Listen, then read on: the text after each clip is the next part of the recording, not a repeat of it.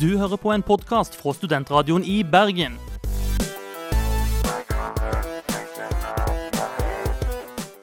Denne og mange andre flotte podkaster finner du på podkast.srib.no.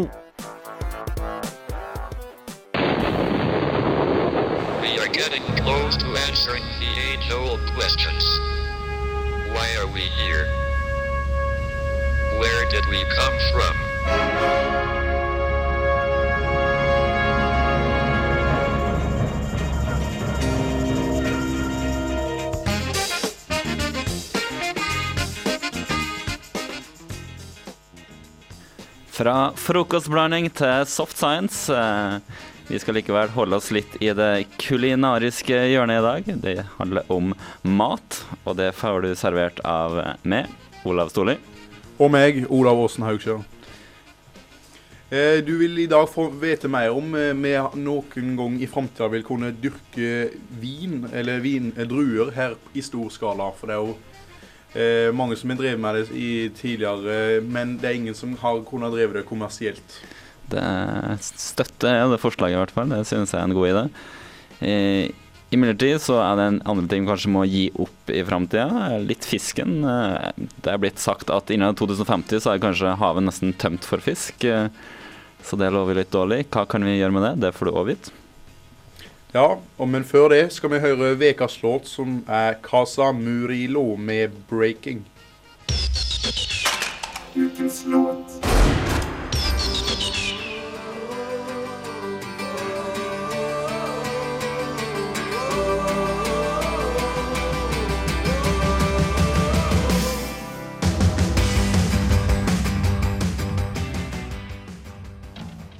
Hei, dette er Knut Jørgen Rød Ødegård. Du hører på Sort Science på Studentradioen i Bergen. Det er, det er soft, Sort Science, hva kalte du det på soft science på studentradioen i Bergen. so sort? Sort? S-O-R-T? Soft science. Soft! Du hører på Soft Science på Studentradioen. Det var ikke så lett det der, eh, Olav. Nei, det var verre enn eh, jeg trodde. Eh, Noe annet som er ganske ille, er jo at eh, eh, pubertetsalderen har sunket dramatisk de siste 300 årene. Fra begynnelsen av 1700-tallet, der eh, stemmeskiftet normalt lå på 18 år for gutter, eh, mens eh, jenters første ja, menstruasjon sank fra 17 til 14. Og i dag hører vi til og med om jenter som eh, utvikler bryster i seksårsalderen. Så 18 år for et stemmeskifte for så lenge siden. Jeg, jeg husker sjøl godt at jeg kom i stemmeskifte på barneskolen, så da var jeg ca. 12. Og Da var det vanlig å komme i sånn 13-14 der et sted. Ja, det hørtes jo litt vel teoretisk ut, men eh, det er vel sånn Hvis Ja. du misbruker statistikk nok, så ender du jo opp men, Nei, men jeg kan godt stemme, det. Og, eh, for du ser jo det, som sagt. noe for at det med seksårige jenter og bryster, det Huff. Eh, forskere tror det her skyldes eh, stoffer som etterligner hormoner, og stort sett menneskeskapte ting. Eh, og du kan jo få det gjennom her hormoner, sånne hormoner gjennom maten din og det du spiser. Så det er kanskje noe med dietten vi har eh, utvikla som eh, gjør det her. Ja, det, poteten hadde vel sitt å si når den kom, ble introdusert i kosten. Og en studie fra 2009 i New England i Journal of Medicine viste hvor tre unge gutter utvikla bryster etter å ha brukt produkter som inneholdt lavendel og te-treoljer. Eh, da de slutta å bruke det, ble brystkassen normal igjen.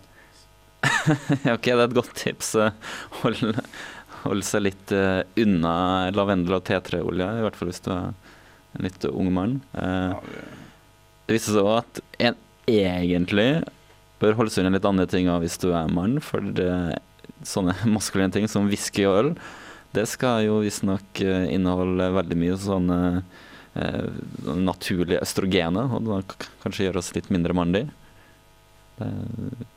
Ja, det, det er jo snakk om å ofre hva, hva en vil eh, om en, jeg, hadde, jeg hadde ikke gjort noe av å bli litt mer feminin bare for at en drakk whisky og øl. Det, akkurat det har det greit. Men det er ingen tvil om at ungdommer eh, påvirkes av det de stapper i seg. eh, Men eh, er det så veldig farlig, da?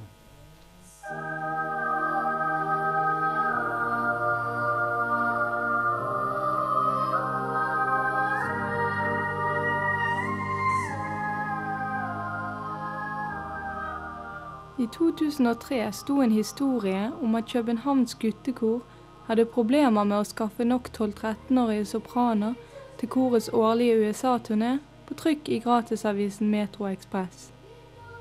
Guttene hadde kommet i stemmeskifte, sopraner var blitt til tenorer, og USA-turneen ble avlyst. Historien hadde kanskje gått i glemmeboken, hadde den ikke blitt plukket opp av et dansk forskerteam under ledelse av professor ved Rikshospitalet, Nils E. Skakkebekk.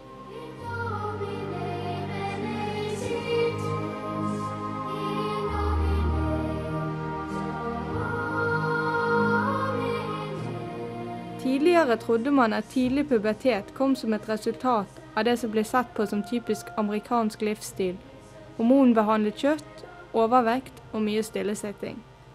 Det er ingen tvil om at disse faktorene har sitt å si. Jo tyngre et barn er i tidlig alder, jo tidligere vil det komme i puberteten. Men overvekt forklarer ikke det voldsomme fallet i pubertetsalder alene. Det danske forskerteamet fant at gjennomsnittsalder for at danske gutter kom i stemmeskifte, falt med fire måneder over en tiårsperiode fra midten av 90-tallet til midten av 2000-tallet. Gjennomsnittsalder for brystutvikling hos danske jenter falt fra 10,8 til 9,8 år i løpet av en 15-årsperiode. Snittalder for første menstruasjon falt med tre måneder i samme tidsrom. I'm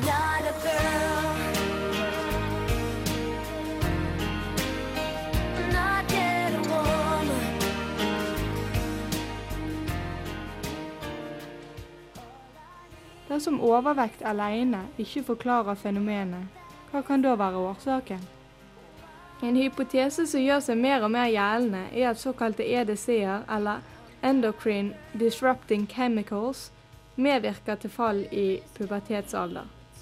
De fleste EDC-er virker ved at de etterligner mannlige eller kvinnelige kjønnshormoner, eller ved at de blander seg inn i hvordan kjønnshormonene omdannes gjennom stoffskifte. Øverst på forskernes liste over mistenkte EDC-er troner ftalatene. Ftalater er substanser som blandes i plastprodukter for å øke fleksibilitet, holdbarhet og gjennomsiktighet. En del av ftalatene er forbudt i Europa, men noen brukes stadig i f.eks. leker, tusjforheng og matemballasje av plast. På andreplass kommer bisfenol A, som er et svakt østrogen. Det har vært påvist at bisfenol A kan akselerere pubertetsutvikling hos mus. Det finnes ennå ikke nok beviser for at teorien om EDC-er forårsaker fall i pubertetsalder holder mål.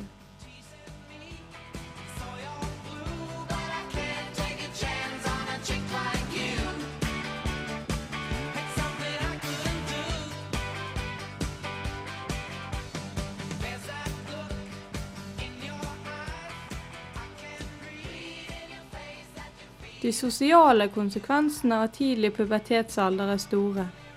Studier har vist at ungdommer som kommer tidligere i puberteten, er i større grad involvert i risikopreget oppførsel, som f.eks. overstadig alkoholkonsum, narkotika og lovbrudd. Tidlig pubertet fører også til at det blir et gap mellom fysisk og psykisk modning. Barn blir seksualisert lenge før de skal, og er for umodne til å takle følgene.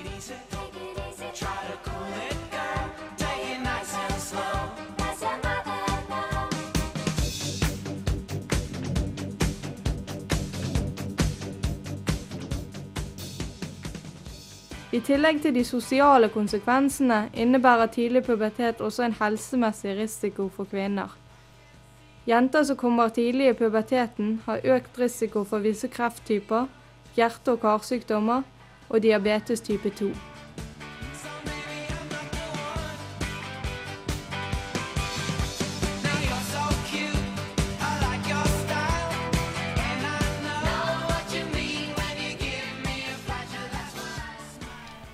Toril Eidsvåg eh, var det som eh, ga oss mye nyttig informasjon om puberteten der. Det gjorde hun. Eh, vi skal snart få en liten, en ha litt liten nyhetsoppdatering her. Annet litt om hvordan det har seg det her med når du spiser asparges. Da begynner jo det du later ut å lukte litt eh, sterkt. Eh, eller gjør det det for din del, Ole? Uh, jeg kan ikke si at jeg husker spesielt hvordan det foregikk etter at jeg åt asparges. eh, og noe jeg ikke gjør så veldig ofte. Men eh, ja, hva, hva var, eh, var det liksom Var det sånn Det av og til urinen er sånn Rau rød og ja, sterk, får en inntrykk av. Når, Den eh, påvirker, eh, påvirkes i hvert fall av hva vi får i oss. Og der har jo forskere kommet fram til noe, så det skal vi straks få høre. Men eh, i mellomtida skal vi høre litt på en ny Kanye West-låt med Christian Dior og Denim Flow. I'm in my Christian Dior with a Veronica Webb. No Amy Cecily Lopez. Arlena Sosa, Salida E. Banksy. Grew up on my speak that Jordan Dunn language. Make a phone call Smalls. I wonder and Stone's walls. Oh, this just in, got hit by the flu.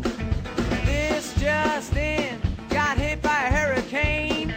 This just in, we're going to the moon with a shuttle full of signs Starbucks coming soon. It's a rest stop now. Nyheter nå, altså. Og hva er det som er siste nytt, Ola Stole? Vi var så vidt inne på det, og vi har jo litt om uh, mat i dag. Og det har seg jo sånn at uh, enkelte ting du får i det, det lukter jo når det skal ut igjen. Jeg vet ikke, jeg har selv opplevd det. Ikke blant annet med en litt uh, god dag på, på, på fylla dagen før. Så merker jeg i hvert fall jeg at eh, hvis jeg har mye rødvin, så faktisk lukter det litt rødvinsaktig av eh, urinen min. Jeg vet ikke om du har opplevd noe Uh, mitt vininntak er relativt beskjedent, så nei, jeg kan ikke si at jeg har opplevd det samme. Men det som i hvert fall skal være ganske karakteristisk, det er asparges. Og forskere har faktisk studert det her. Hvordan det har seg at asparges eh, for de aller, aller fleste lukter ganske sterkt eh, i urinen etter du har spist det. Men ikke for alle. For de fleste. Eh, Så har de brukt det her da, til indikasjon på hva som faktisk foregår og testa det ut. Og jeg tror de i, i en ny studie her har gitt eh, 38 personer enten litt brød eller litt asparges, og så har de da fått lukta på urin i etterkant. Det de gjorde, da, var at andre lukta på urinen deres.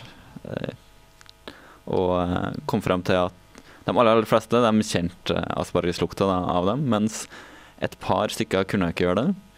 Og det var litt forskjellig. Det var noen som faktisk ikke ga lukt til den urinen i det hele tatt. Et par stykker som rett og slett nøytraliserte lukta. Mens for dem, eh, noen andre igjen så klarte de ikke å lukte asparges i det hele tatt. Nei, hva, hva fikk de ut av det, da? Eller? Det er jo det at det var, viser seg at det er en jeg vet ikke om du kan kalle det en feil, men i hvert fall en genvariasjon i det, eh, det som styrer sanseapparatet i hjernen, som gjorde at eh, de som da båret på denne genvariasjonen, de klarte ikke å lukte f.eks. Asparges ut av urinen til andre. Ja, så det er jo en, ja, en fordel, det er sikkert i noen sammenhenger. da. Det kan jo godt hende. Men uh, i hvert fall lærer jo litt mer om kroppen, da. At, uh, at uh, en del genvariasjoner påvirker luktesansen vår. Så det kan hende at du lukter litt andre ting enn det jeg lukter, f.eks. Så det kan hende du bærer på en liten mutasjon. Ja, det kan, skal du ikke se bort ifra. Mm. Ellers så har det skjedd mer i forskningsverden. Det er faktisk offisielt nå at eh, snus har blitt en eh, rehab for eh, folk som vil slutte, å røyke. Og det, Statistikken sier at ehm, en fjerdedel bare av de som snuser, har ikke røykt. Uh, det vil si inkludert meg sjøl. Eh, så det er jo, er jo en kraftig indikasjon på at det er noe folk prøver å slutte med. Og, eh, røyk, eh, slutte å røyke med. Eh, Det er jo noe myndighetene ikke anbefaler i forhold til røykeslutt. Men de vedgår jo at snus er vesentlig sunnere i gåsehauger enn røyk. da. Ja, det var jo faktisk litt oppe her og andre måter. Altså, den elektriske sigaretten, den har jo blitt populær i bl.a. Danmark og USA og sånn. At du har en sånn ampull inni en elektrisk sigarett fylt med litt nikotin og andre ting. Eh, så du får i deg nikotin, men det eneste andre som kommer ut, er litt eh, vanndamp. Det er faktisk ikke lov å selge i Norge, fordi det vil de ikke de vil, Du kan ikke selge noe slags nikotinprodukt i det hele tatt som ikke er på markedet fra før. Det tar jeg jo som et positivt tegn, for det må jo se ufattelig dumt ut å sitte og patte på den der eh, pipa. Mm. Men som du sier, f.eks. det er mange som begynner å Altså tre av fire som snuser, eh, har før røyka. så de bruker å snuse seg eh, for å slutte å røyke, mens andre ting eh, er ikke lov å bruke for å slutte å røyke vanlig røyk. Så det, det spørs jo hvor hvor korttenkt egentlig den tanken er. Ja, ikke. det virker jo litt selvmotsigende. Det. Det må jo være et eh, mål å få så mange som mulig av vanlig røyk. Så Ja, snus kan hjelpe, men det finnes jo andre ting. ja visst. Uansett, eh, vi skal over til litt eh, mer eh, kanskje hyggelige nyheter. Eh, I hvert fall for oss som eh, ser litt på Minority Report og litt sånn andre filmer som tar for seg litt sånne fenomener, nemlig det er biler som kjører mer eller mindre av seg sjøl. Det er nå blitt testa ut av eh, hvem tror du? Jo, Google av alle. Merkelig. De eh, sprer om seg og tester ut ny teknologi overalt. Og nå har de i eh, San Francisco blant annet prøvd å kjøre rundt en bil eh, bare av seg sjøl. Og det fungerte visst ganske bra. Ingen skader å melde, i hvert fall. Og trafikken med hjelp av altså, planla en rute ved hjelp av GPS, og så har du da sensorer som fanger opp hvordan bilen foran deg kjører, om den bremser, om du regner med dem og følger med på trafikklyset. Og håper jo da at eh, det ikke er så lenge til at eh, det her kan finnes på markedet. For nå har de faktisk kjørt eh, rundt eh, 250 000 km med en sånn bil uten at det har skjedd noe særlig galt. Så det åpner jo opp for muligheten. Ja, og er det en plass det burde funke, så er det vel i USA. Det er jo ja, flatt og lite er God plass på veien. Mm, Jeg er litt usikker på om det hadde funka her. Nei, eh, men eh, som eh, de sier, så er det 1,2 millioner mennesker dør i trafikken hvert år. Så Det kan, det kan kun bli bedre. Det kan nesten bare det, og robotmotorsjåfører de klarer nok litt bedre, i hvert fall etter mine erfaringer, litt i sørlige Europa. Det, der er det jo litt hasardiøst å bevege seg ut på bilveien. Ja, du mener at i deler av verden så vil det representere en oppgang? Jeg tror det her kunne vært en god idé, f.eks. Hellas. Ja. Ja, nei, men det er flott. Men de sier ingenting om når eh, det vil eh, være aktuelt ja, at det kommer på markedet. Jeg har ikke satt seg noe mål om det, nei. Eh, Det må jo gjennom masse Altså, jeg ser det ikke for meg det første tiåret i hvert fall, nei, at det her blir særlig aktuelt. Nei. Snart skal vi litt tilbake til det vi egentlig snakker om i dag, nemlig mat. For havet det overfiskes, så det blir bare mindre og mindre mat i havet. Og det er jo ikke noe vi kan leve så veldig lenge med.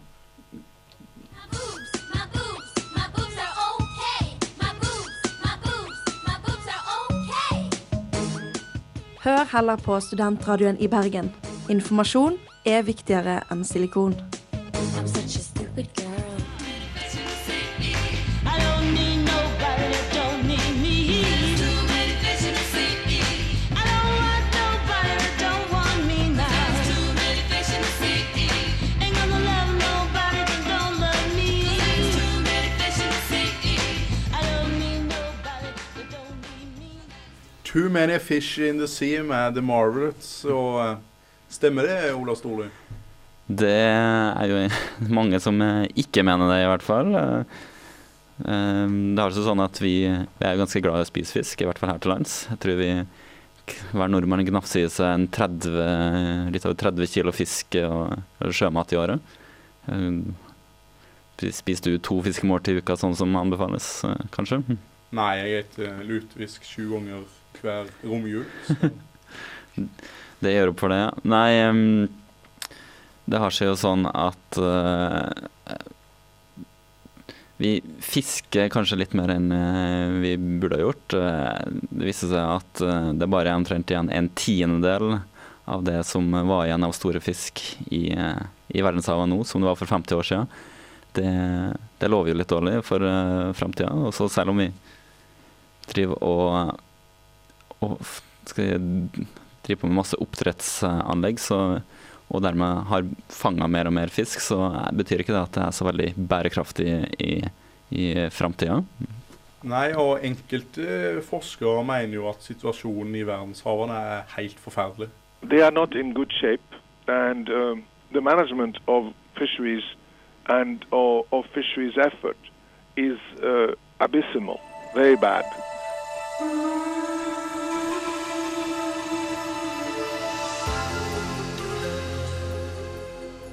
Ekstremt dårlig. Sånn beskriver altså dr. Daniel Pauly tilstanden i verdenshavene for tida.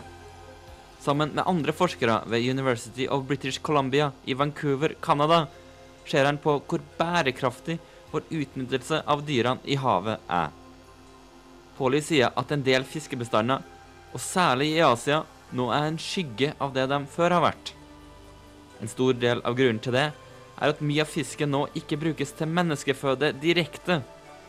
I stedet bruker vi fisken til å mate større fisker, eller dyr på land.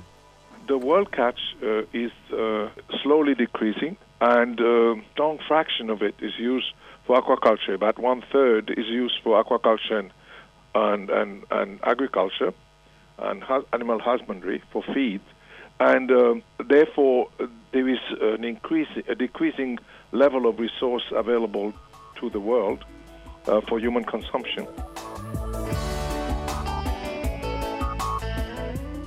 Det blir mindre og mindre fisk. Og en viktig grunn til det er ifølge dr. Daniel Pauli hva slags fisk vi mennesker spiser. Ett kilo fisk er ikke alltid ett kilo fisk. Tunfisk er en slager blant mange. Men tunfisken må spise mye annen fisk for å leve. Faktisk sin egen kroppsvekt på ti dager. Det betyr at den må spise store mengder av f.eks. makrell, som igjen må spise enorme mengder ansjos.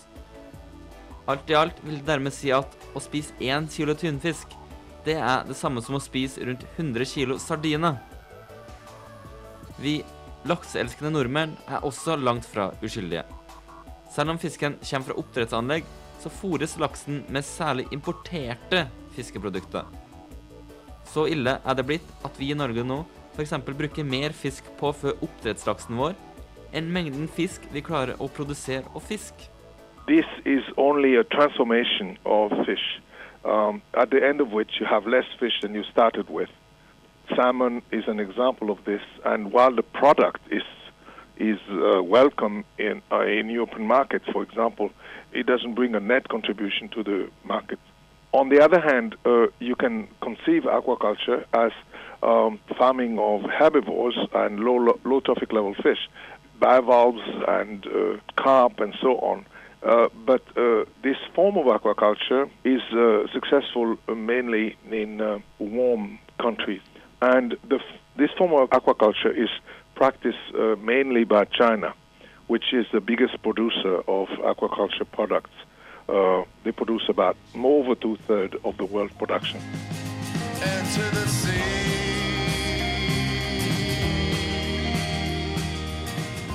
En tredjedel av fisken vi fanger, brukes altså til å føde opp andre fisk og landdyr. Det slipper man om en i stedet satser på plantespisere som karpefisk eller skalldyr. Imidlertid så er det svært vanskelig å få til i de mer kjølige havområdene, som utenfor norskekysten eller utenfor Chile. Dr. Pauli er imidlertid trygg på at også vi må finne bedre måter å drive fiske og oppdrett på også. they will uh, gradually get more out of them because I cannot imagine that this waste of fisheries resource to use perfectly good anchovies and uh, sardines and herring for animal feed, I don't think that it will survive long in the in this century. The consumption of seafood in uh, Western Europe, for example, are irresponsible. Fisk er godt for helsa, men uh, sånn som det er nå, så får nesten kun de rike landene ta del i denne goden. Pauli mener det er bisart at fisk, som også er sunt for senegalesere, blir fiska utenfor kysten deres, og så blir transportert rett til vesteuropeiske byer som Paris og Madrid. Europa, sammen med USA, Japan og i økende grad Kina, er nærmest blitt monopolister når det kommer til sjømat, ifølge Pauli. En av grunnene er at de her landene importerer nesten all fisken som blir fanga andre steder, men også at utviklingsland stort sett ikke har noe fiskeindustri. De nærmest gir bort fiskerettighetene til båter fra andre land. Pauli håper at f.eks. land i Vest-Afrika bygger opp en industri med fiskebåter og fiskerimottak, sånn at de også kan eksportere fisk og beholde litt av verdiskapinga utenfor kysten deres sjøl. Det er den ene utfordringa han ser i framtida. Forskeren ved University of British Columbia er imidlertid også svært bekymra over global oppvarming, særlig sånn som fiskeriene opererer i dag. Sjansen for at vi kan oppleve en bærekraftig utvikling i verdenshavene og faktisk hente mer fisk ut for å dekke det økende verdensbehovet, den er minimal. The way fisheries are managed uh, internationally, it's not the case. And if you bring uh, global warming into the picture, that looks very bad. Norway, uh, for example, will benefit in the next decade probably from uh, global warming, but other countries throughout the intertropical belt will will suffer, and this suffering will will increase uh, in terms of fisheries and agriculture as well if uh, we don't get global warming under control. Det var du, det Olav, som hadde preka med dr. Daniel Pauly ved universitetet i British Columbia i Canada. Det hadde, og det, det så litt eh, dårlig ut for fiskeriframtida vår. Imidlertid så kan det jo se litt bedre ut for vinproduksjonen vår. Det skal vi jo snart eh, høre litt mer om, men vi må først få med oss ukas album på Studentradioen i Bergen. Det er 'Kisses' med 'Midnight Lover' fra The Heart of Nightlife.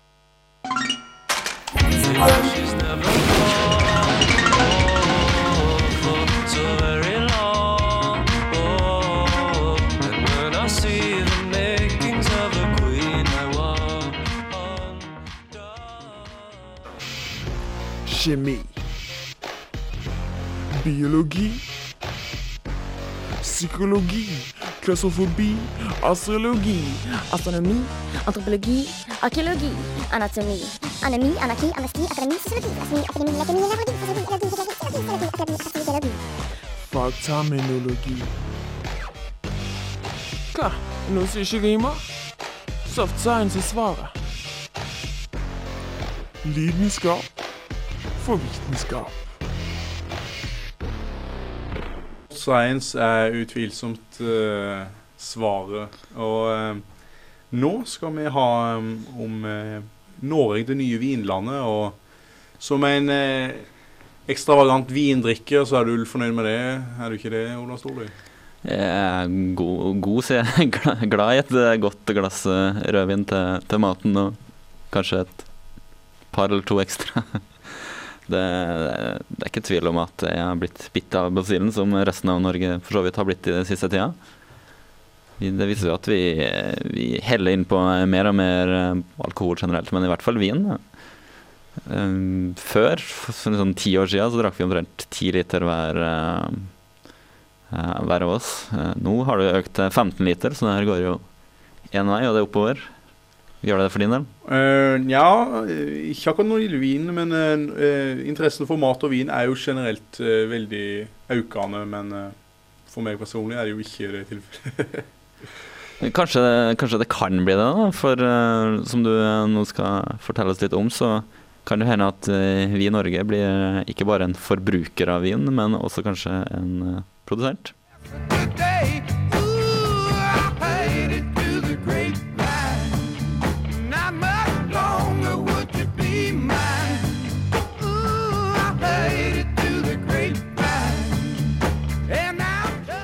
Norge som vinland. På sin egen vingard skal forskere gjøre studenter til eksperter på hva som må til for å få smakfulle vindruer til å trives. i Stavanger.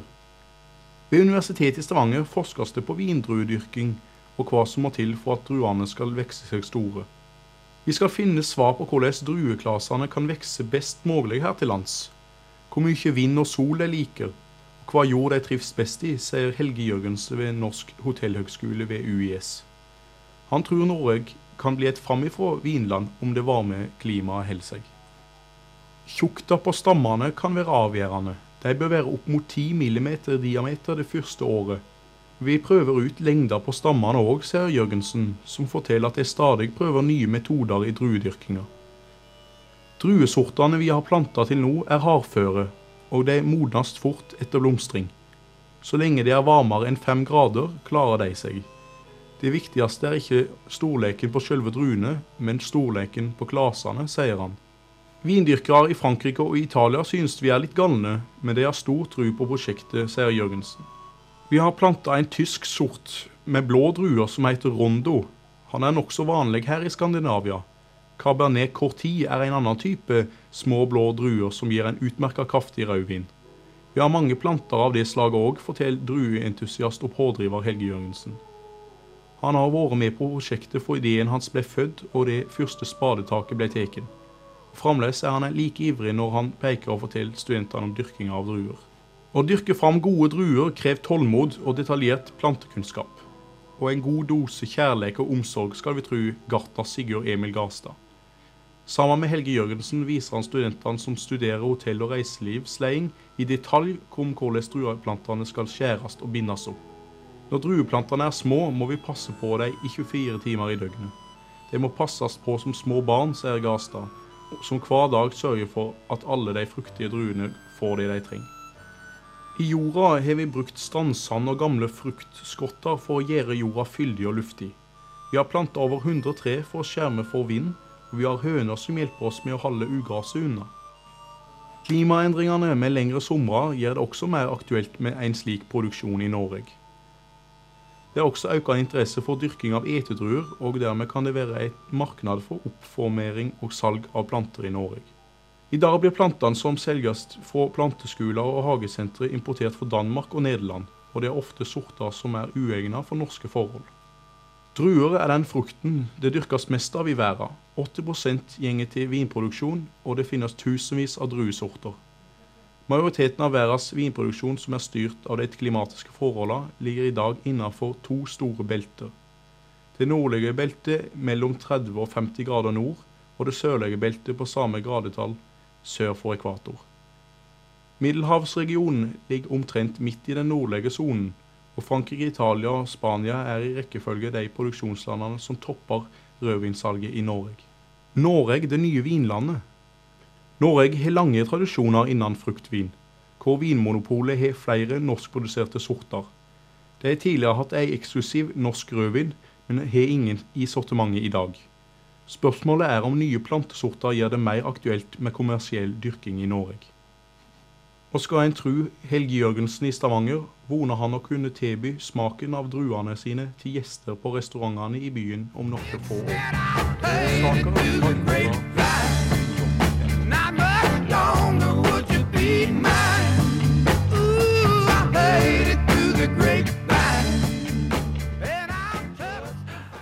Det var du, det, Olav Åsen Haugsgjerd, som eh, tok titt på mulighetene for å lage litt eh, vin, eh, ny vin her til lands. Ja, det virka som John Fogerty ikke var så veldig interessert i vin. Men eh, ja, få vin til mer vin. Nå er det The New Wine med Delete Rewind. Open and wind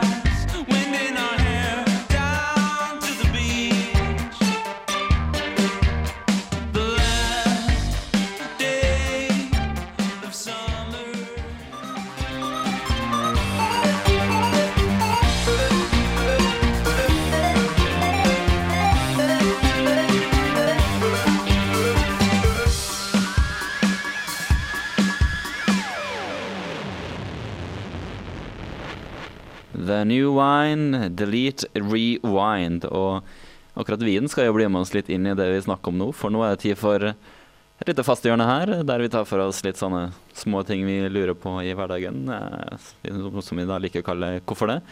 Og eh, hva er det vi lurer på i dag, Olav? Det er jo eh, at når en først da tar seg et glass vin, og kanskje flere, så blir en ofte sulten. da, Hvorfor en alltid blir sulten når en drikker alkohol, og hva slags mat en da trykker i seg. Så eh, det er Karoline Elgesem som skal fortelle dere mer om det.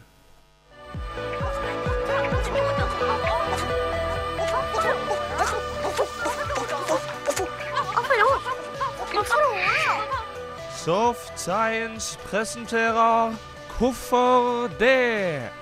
I dag. Hvorfor får man så lyst på junkfood etter en kveld på fylla? Det har vært gjort mye forskning på dette området, og selv om det fortsatt er uklart hvilket stoff som har hovedskylda for tradisjonen fyllemat, så er det ingen tvil om at inntak av alkohol gjør deg sulten på karbohydrater. Mange forskere mener at galanin, et signalstoff i hjernen som gjør at kroppen vil ha mer av både alkohol og fet mat, er hovedgrunnen. Dette stoffet produseres det mer av når man har drukket alkohol. Ved inntak av alkohol senkes også blodsukkeret. Når blodsukkeret er lavt, vil man ofte føle seg sulten og være lysten på karbohydrater for å øke blodsukkernivået igjen. Alkohol sørger også for at det tar lengre tid å bli mett. Husk også på at fyllemat gjerne ikke er det sunneste. En ny undersøkelse fra Storbritannia viser at en vanlig kebab inneholder i overkant av 1000 kilokalorier, noe som er oppimot halvparten av det en person trenger i løpet av en dag.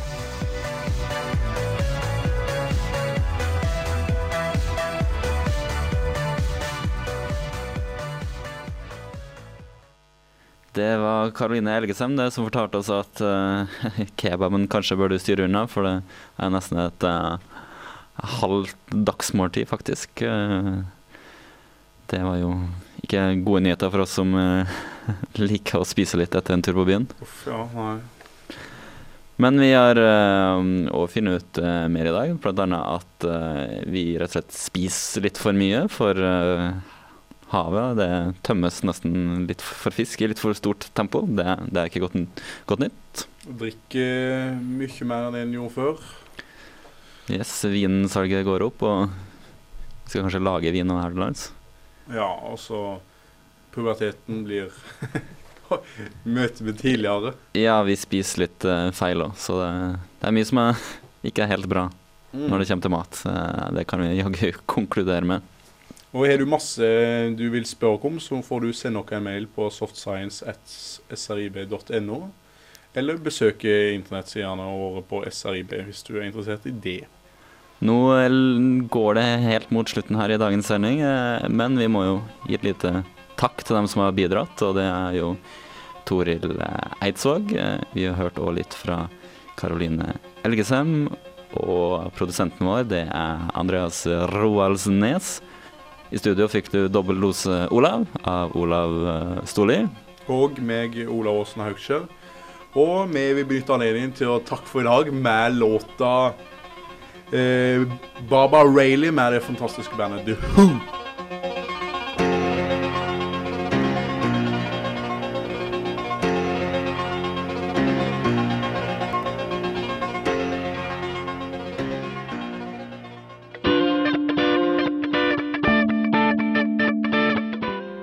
På en podkast fra Studentradioen i Bergen.